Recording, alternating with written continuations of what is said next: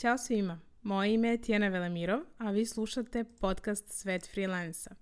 Ovde ćete imati priliku da čujete sve što vam je potrebno za početak freelance karijere, za napredovanje u freelansu i kreiranje života po svoje mere. Zadovoljstvo mi je da vam predstavim moj novi test projekat, a to je 30 dana ovog podcasta, koji prati izazov od 30 dana Instagrama. Naime, od danas na Instagramu objavljujem svakog dana po jedan video u narednih 30 dana – koji će biti u vidu mini lekcija sa temom šta bih voljela da sam znala pre nego što sam počela sa freelansom.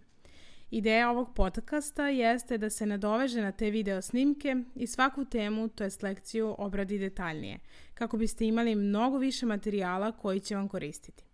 Ukoliko vam se ovo svidi i bude vam korisno, sa zadovoljstvom ću nastaviti da snimam podcast epizode jednom nedeljno. Dakle, dobrodošli u mini serijal, podcast epizoda Šta bih voljela da sam znala pre nego što sam počela sa freelansom. Danas krećemo sa lekcijom broj 1 koja glasi Nije bitno za šta sam se školovala, imam uvek pravo da biram drugi put. Često se nađemo u onoj zamci da mislimo da nešto za šta smo se školovali zapravo mora da bude ono čime ćemo se baviti celog života – A, to nekada može da bude slučaj, a zapravo i ne mora, jer ukoliko sami sebe teramo da ostanemo u toj jednoj profesiji, profesiji recimo koja nas ne čini srećnima, tada mi sebe osuđujemo na nezadovoljstvo tokom celog života i onda se postavlja pitanje zašto to radimo. Postoji niz faktora koji utiču na to, dakle tu može da bude strah od promene, strah od osuđivanja ličnog, od osuđivanja okoline, uh, zatim razna uverenja poput toga da nam je kasno za promenu, da nećemo uspeti da savladamo veštine i znanje potrebno za prekvalifikaciju, um, šta će drugi da misle o nama, kako će to da se isplati na kraju, da li ćemo da izaberemo put koji je još gore i tako dalje. Zapravo hoću da kažem da sve ove stvari um, su normalne i dešavaju nam se u mozgu svakodnevno ili dosta često, ali hoću da kažem da zapravo smo mi um, oni koji upravljamo našim mozgom, ali tako bar bi tako trebalo da bude. I sebi treba da damo dozvolu da možemo da biramo drugi put. Pa po cenu i toga da to bude put koji će se kasnije pokazati kao manje isplativ. Um, ono što je zanimljivo, mi ne možemo da znamo kakav će biti rezultat, rezultat nečega dok mi to ne uradimo. I tu je sad ona životna filozofija da li želimo da se kajemo što smo nešto uradili i napravili promenu ili da se kajemo zato što nešto nismo uradili. Uh, ja sam uvek za tu opciju da ipak uradim po cenu bilo kog rizika ili ne znam kakve promene, jer sam se tokom života uvek više kajala i uh, uh, prosto bila razočarana u te stvari koje sam odlučila da ipak ne uradim. Tako da uh, prekvalifikacija je nešto što je vrlo aktualno i nekako zapravo jeste trend na tržištu rada. Sve više je potrebno da se unapređujemo tokom svoje karijere poslovne. Ne možemo da računamo na to da ćemo recimo završiti samo ekonomski fakultet i to će nam biti dovoljno. Potrebno nam je da tokom života razvijamo niz drugih veština i znanja. Neke mogu biti srodne sa tom našom um, delatnosti koju smo odabrali, a neke će se zapravo ispostaviti da su potpuno različite, ali da mogu zajedno da se kombinuju ili da zapravo radimo dve stvari koje su potpuno različite. Slična priča je i u freelansu. Uh, veoma je aktualno to da neko uđe u freelance i počne da radi nešto sasvim drugo u odnosu na ono za šta se školovao.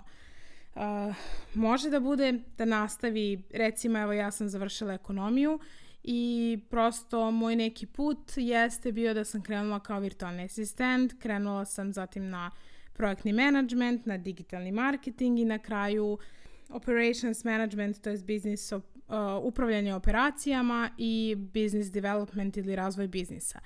To ima nekih dodirnih tački sa um, ekonomijom, međutim, mnogo sam se usavršavala i donekle i uradila tu prekvalifikaciju za neke od oblasti, pogotovo recimo završeni sertifikat za Scrum Mastera i slično. Tako da neki ljudi uh, odaberu put da nadograde svoje veštine i odrade neki deo prekvalifikacije kako bi zapravo u arsenalu svojih veština imali um, različite um, sposobnosti i mogli da pruže zapravo um, širi dijapazon usluga potencijalnim klijentima.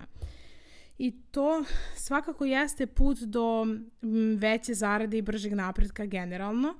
Um, kada to um, u odnosu na situaciju gde mi držimo samo tu neku recimo jednu našu veštinu ili znanje uh, stečeno tokom formalnog obrazovanja.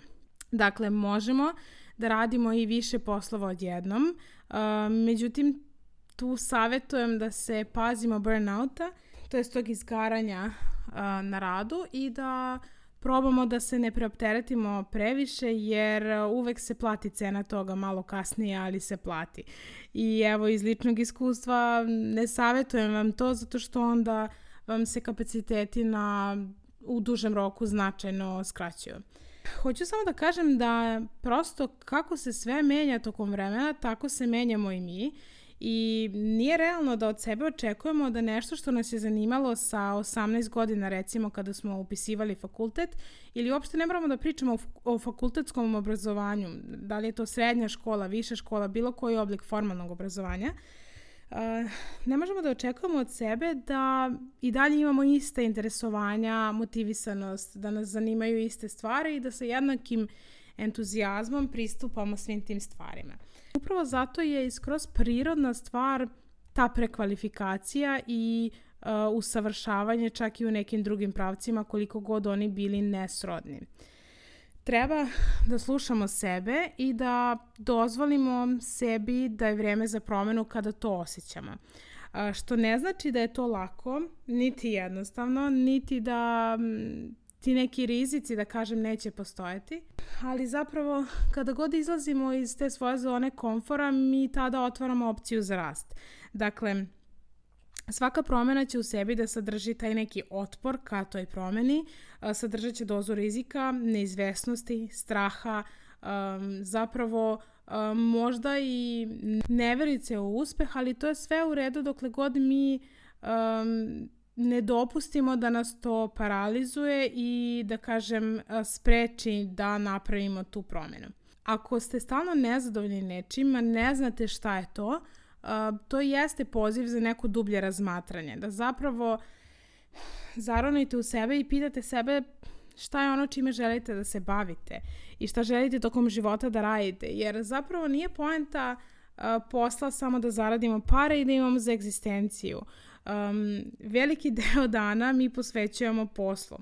Um, nekome je to 8 sati dnevno, nekome više, nekome manje, ali to je zapravo barem jedna trećina našeg dana i jako je bitno kako se mi na tom poslu osjećamo i kako se osjećamo povodom tog posla.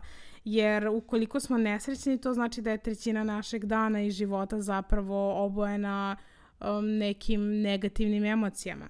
A ne mora da bude tako.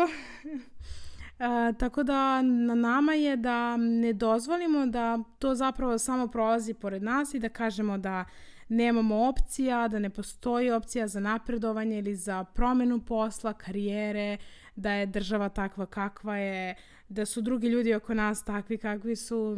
Mislim, možemo to da uradimo, ali zapravo nam se ne isplati. I sad ovo vam govorim iz ličnog iskustva jer sam bila u fazama u životu gde sam krivila eksterne okolnosti za sve i okruženje i uh, situaciju u državi i u svetu i prosto uh, prijatelje oko mene i porodicu. Međutim, to nam se zaista ne isplati jer uh, jedino šta može da nam pomogne i donese promenu jesmo mi sami.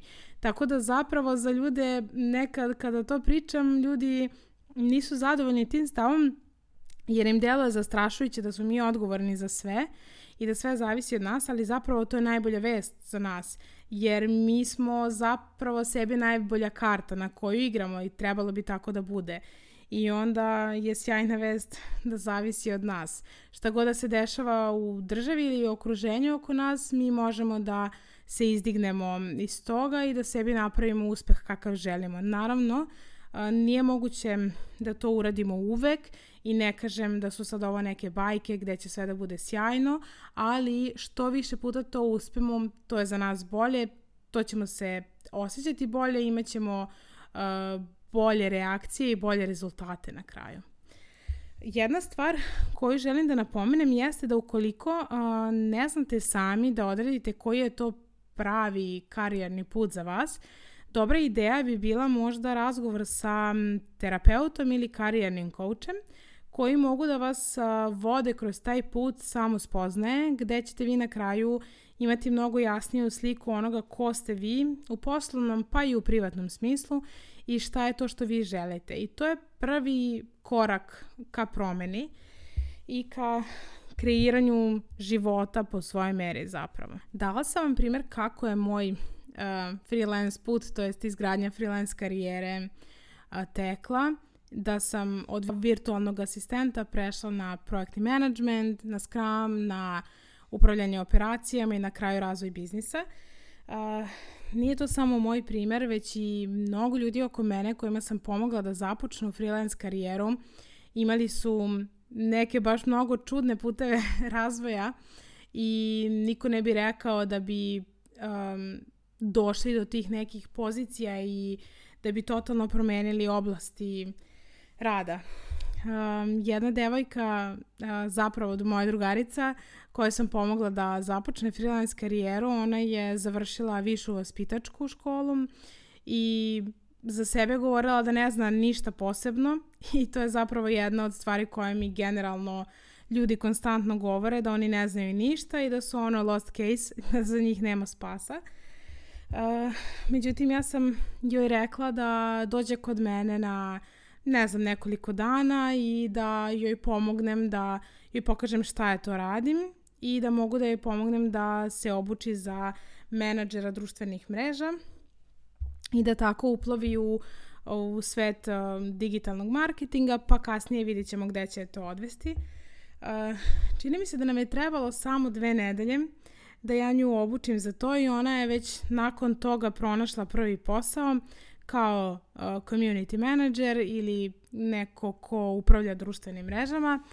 Um, danas, posle recimo godinu i po dve godine od tog momenta, ona radi kao PR menadžer, kao menadžer društvenih mreža uh, i zarađuje recimo preko 1000 evra ili 1000 i po evra mesečno.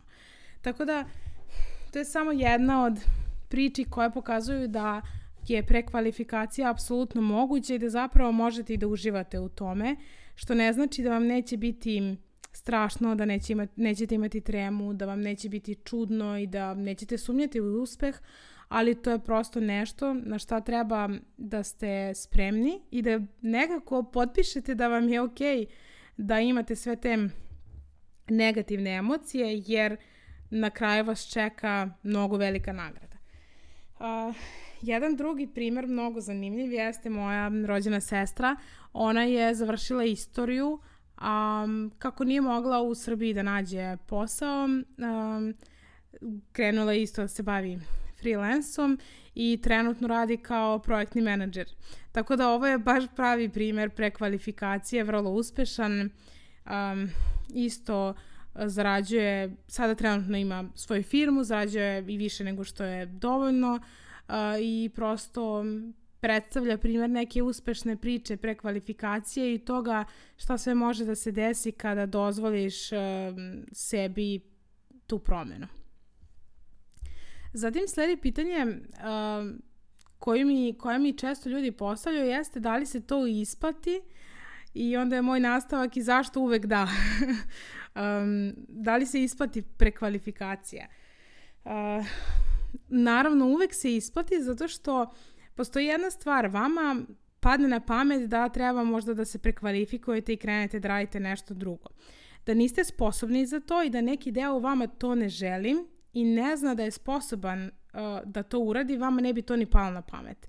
Dakle, čim vam nešto padne na pamet i imate taj inicijalni impuls, vi već imate dovoljno unutrašnjih kapaciteta da to i ostvarite. I znam da vam to delo je čudno i možda nemoguće, ali prosto jeste tako, samo što mi smo skloni da tim e, negativnim govorom prema samima sebi to sve zamaglimo i da se to ne vidi, ali zapravo moj cilj jeste da kroz bilo koji rad sa svima vama vam pokažem kako da dođete do punog iskorišćenja svojih kapaciteta. I veoma je moguće da shvatite i da date sebi dozvolu da je dovoljno ono što znate da biste krenuli da radite određene stvari, da biste krenuli da tražite recimo klijente na inostranom tržištu. Naravno potrebno je da znate engleski jezik i da imate određenu ono hard skills, to je stvarno veštinu da znate nešto da radite. Nebitno da li je to pisanje, programiranje, dizajn, projektni management, um, upravljanje resursima u kompanijama, bilo šta drugo. Tako da um, uvek postoji nada za sve nas da, da pronađemo taj naš drugi put sve dokle god smo spremni da se, da se prepustimo tom uh, putovanju, da tako kažem. Još jedna bitna stvar jeste da ne bi trebalo da poradimo sebe sa drugima. Jer to nam se nikad ne isplati jer nemamo iste pozne tačke, nismo isti ljudi, nemamo iste karakteristike, nemamo uh, iste ambicije, aspiracije, već treba da poredimo sebe sa svojom prošlom verzijom. I često smo skloni da kažemo da nismo uspešni, da ništa nismo promenili, ali um, velika istina je da smo svakog dana bar u nekom polju bolji nego juče. I jako je bitno da probamo da usvojimo tu filozofiju, da gledamo uspeh unazad i da gledamo uh, danas šta smo juče postigli, koliko kod to bili mali koraci. I onda iz te energije gde mi verujemo sebi, nagrađujemo sebe i prosto podržavamo sebe na taj način, mi smo spremni da pravimo još veće uspehe i, i veće korake. A sa suprotne strane imamo situaciju u kojoj mi konstantno sebi govorimo da nismo dovoljno dobri, da ne znamo da nam neće ići i onda prosto mi ni nemamo ni motiva, ni želje, ni snage da zaista i napravimo tu promenu. Tako da to je isto jedno pitanje za razmišljanje i meni je mnogo godina unazad bilo baš izazovno da prihvatim ovakav način razmišljanja i govorila sam da je to i prodavanje magle i gluposti i da to nema nikakvog smisla i da to ništa ne, ne znači, ne vredi. I bukvalno sam se ono svađala sa sobom i, i, i htjela da dokažem drugim ljudima da nisu u pravu jer eto vidiš okolnosti nam ne dozvoljavaju ovo je problem, teško je izbeći ovo u državi i u društvu i slično da bi na kraju shvatila da mi se to nikad nije isplatilo i da samo kroz um, niz godina rada na sebi, da sam došla do ovog stadijuma gde sad potpuno verujem u ovo što vam pričam i gde mi je ako ništa, barem uvek lepše i mirnije samo i sa, s, a, kada sam sama sa sobom. A, ali nije samo to, nego već to mi pruža mnogo veću, mnogo bolju osnovu za bilo koje rezultate koje želim da napravim i nemam taj utisak da je nešto nemoguće, već se uvek samo pitam um, šta mi je potrebno da bih nešto uspela i koliko vremena je potrebno. Um, takođe, jedna od bitnih stvari jeste um, što sam napomenula na početku ove priče jeste ta brzina menjanja karijernih puteva i da zapravo treba da budemo u toku sa trendovima na tržištu rada kako bismo uspeli. Tako da nije isto sad i pre pet godina. Ja se bavim freelansom pre, od recimo sad je šest uh, godina već. Uh, nije bilo isto tržište rada čak i za freelance m, za samo pet godina. I prosto nove generacije kako dolaze sve više su digitalno pismene i osposobljene i na nama je da, da pratimo korak, da hvatamo korak sa tim i da um, radimo na sebi što više kako bismo bili uvek najbolja verzija sebe i kao takvi uh, davali najviše vrednosti našim klijentima. Jer najveći ključ uspeha u freelansu, pa i na bilo kom drugom poslu, to je načinu obavljanja posla, jeste dati vrednost toj firmi, klijentu, pojedincu, timu, grupi, nebitno. Kada god shvatimo šta je to potrebno da bi uh, se ta neka firma uh, sprovela od tačke A do tačke B, to je to trenutne situacije gde su sad, do one željene situacije i kada uspemo da im damo tu vrednost, onda mi postajemo vredan član tima i svako će želeti da nastavi saradnju sa nama. I kada pričamo o prekvalifikaciji, bitno je samo da navedemo još jednu stvar, a to je da veštine generalno se dele u različite kategorije i to je ono gde najviše spominjamo soft skills i hard skills, to jest te meke i tvrde veštine. Um, pričala sam o tome na, na mnogo mesta, uh, samo ću ukratko uh, sada pričati o tome.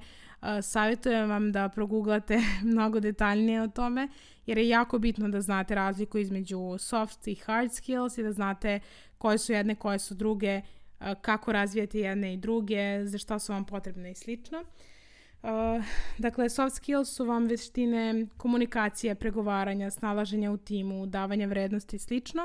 Uh, sve nešto što zahteva tu neku interakciju sa timom i drugim ljudima i zapravo to je jako bitno jer ako ne razvijate svoje meke veštine, vi možete da budete samo puk izvođač određenih taskova i zadataka, što se više ne ceni toliko jer onda niste u mogućnosti da dajete tu ekstra vrednost klijentu koji, koju svi od njih žele.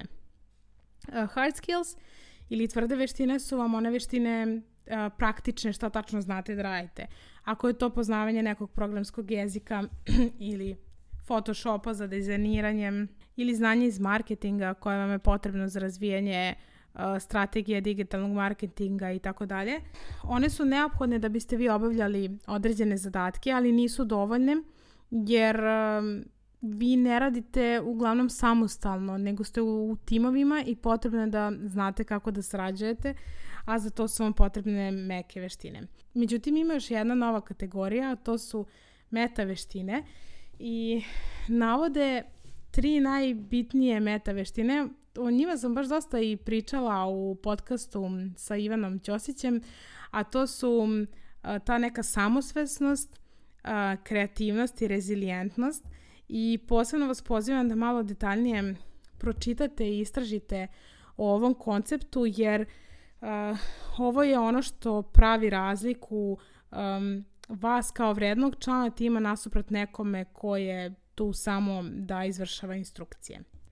Mislim da smo dosta prešli i dosta tema pokrenuli. Uh, svakako ćemo svemu ovome nadalje i pričati i sve se to negde i preklapa i uh, nadovezuje. Uh, hoću samo da vam na kraju postavim neka tri pitanja koja će vas možda odvesti u tom pravcu da smislite šta je to čime biste želeli da se bavite i da li vam je potrebno da se prekvalifikujete ili ste zadovoljni onim što trenutno znate i zapravo delatnošću koju ste odabrali.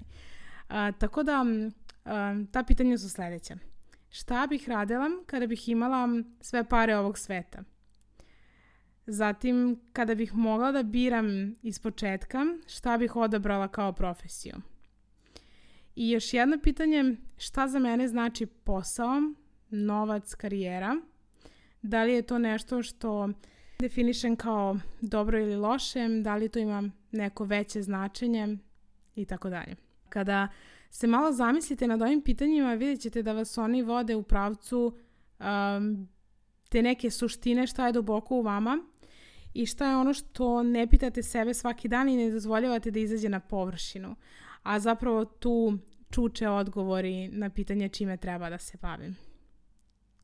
Hvala vam na slušanju i nadam se da sam vas ispirisala za neke nove akcije. Čujemo se sutra. Ćao!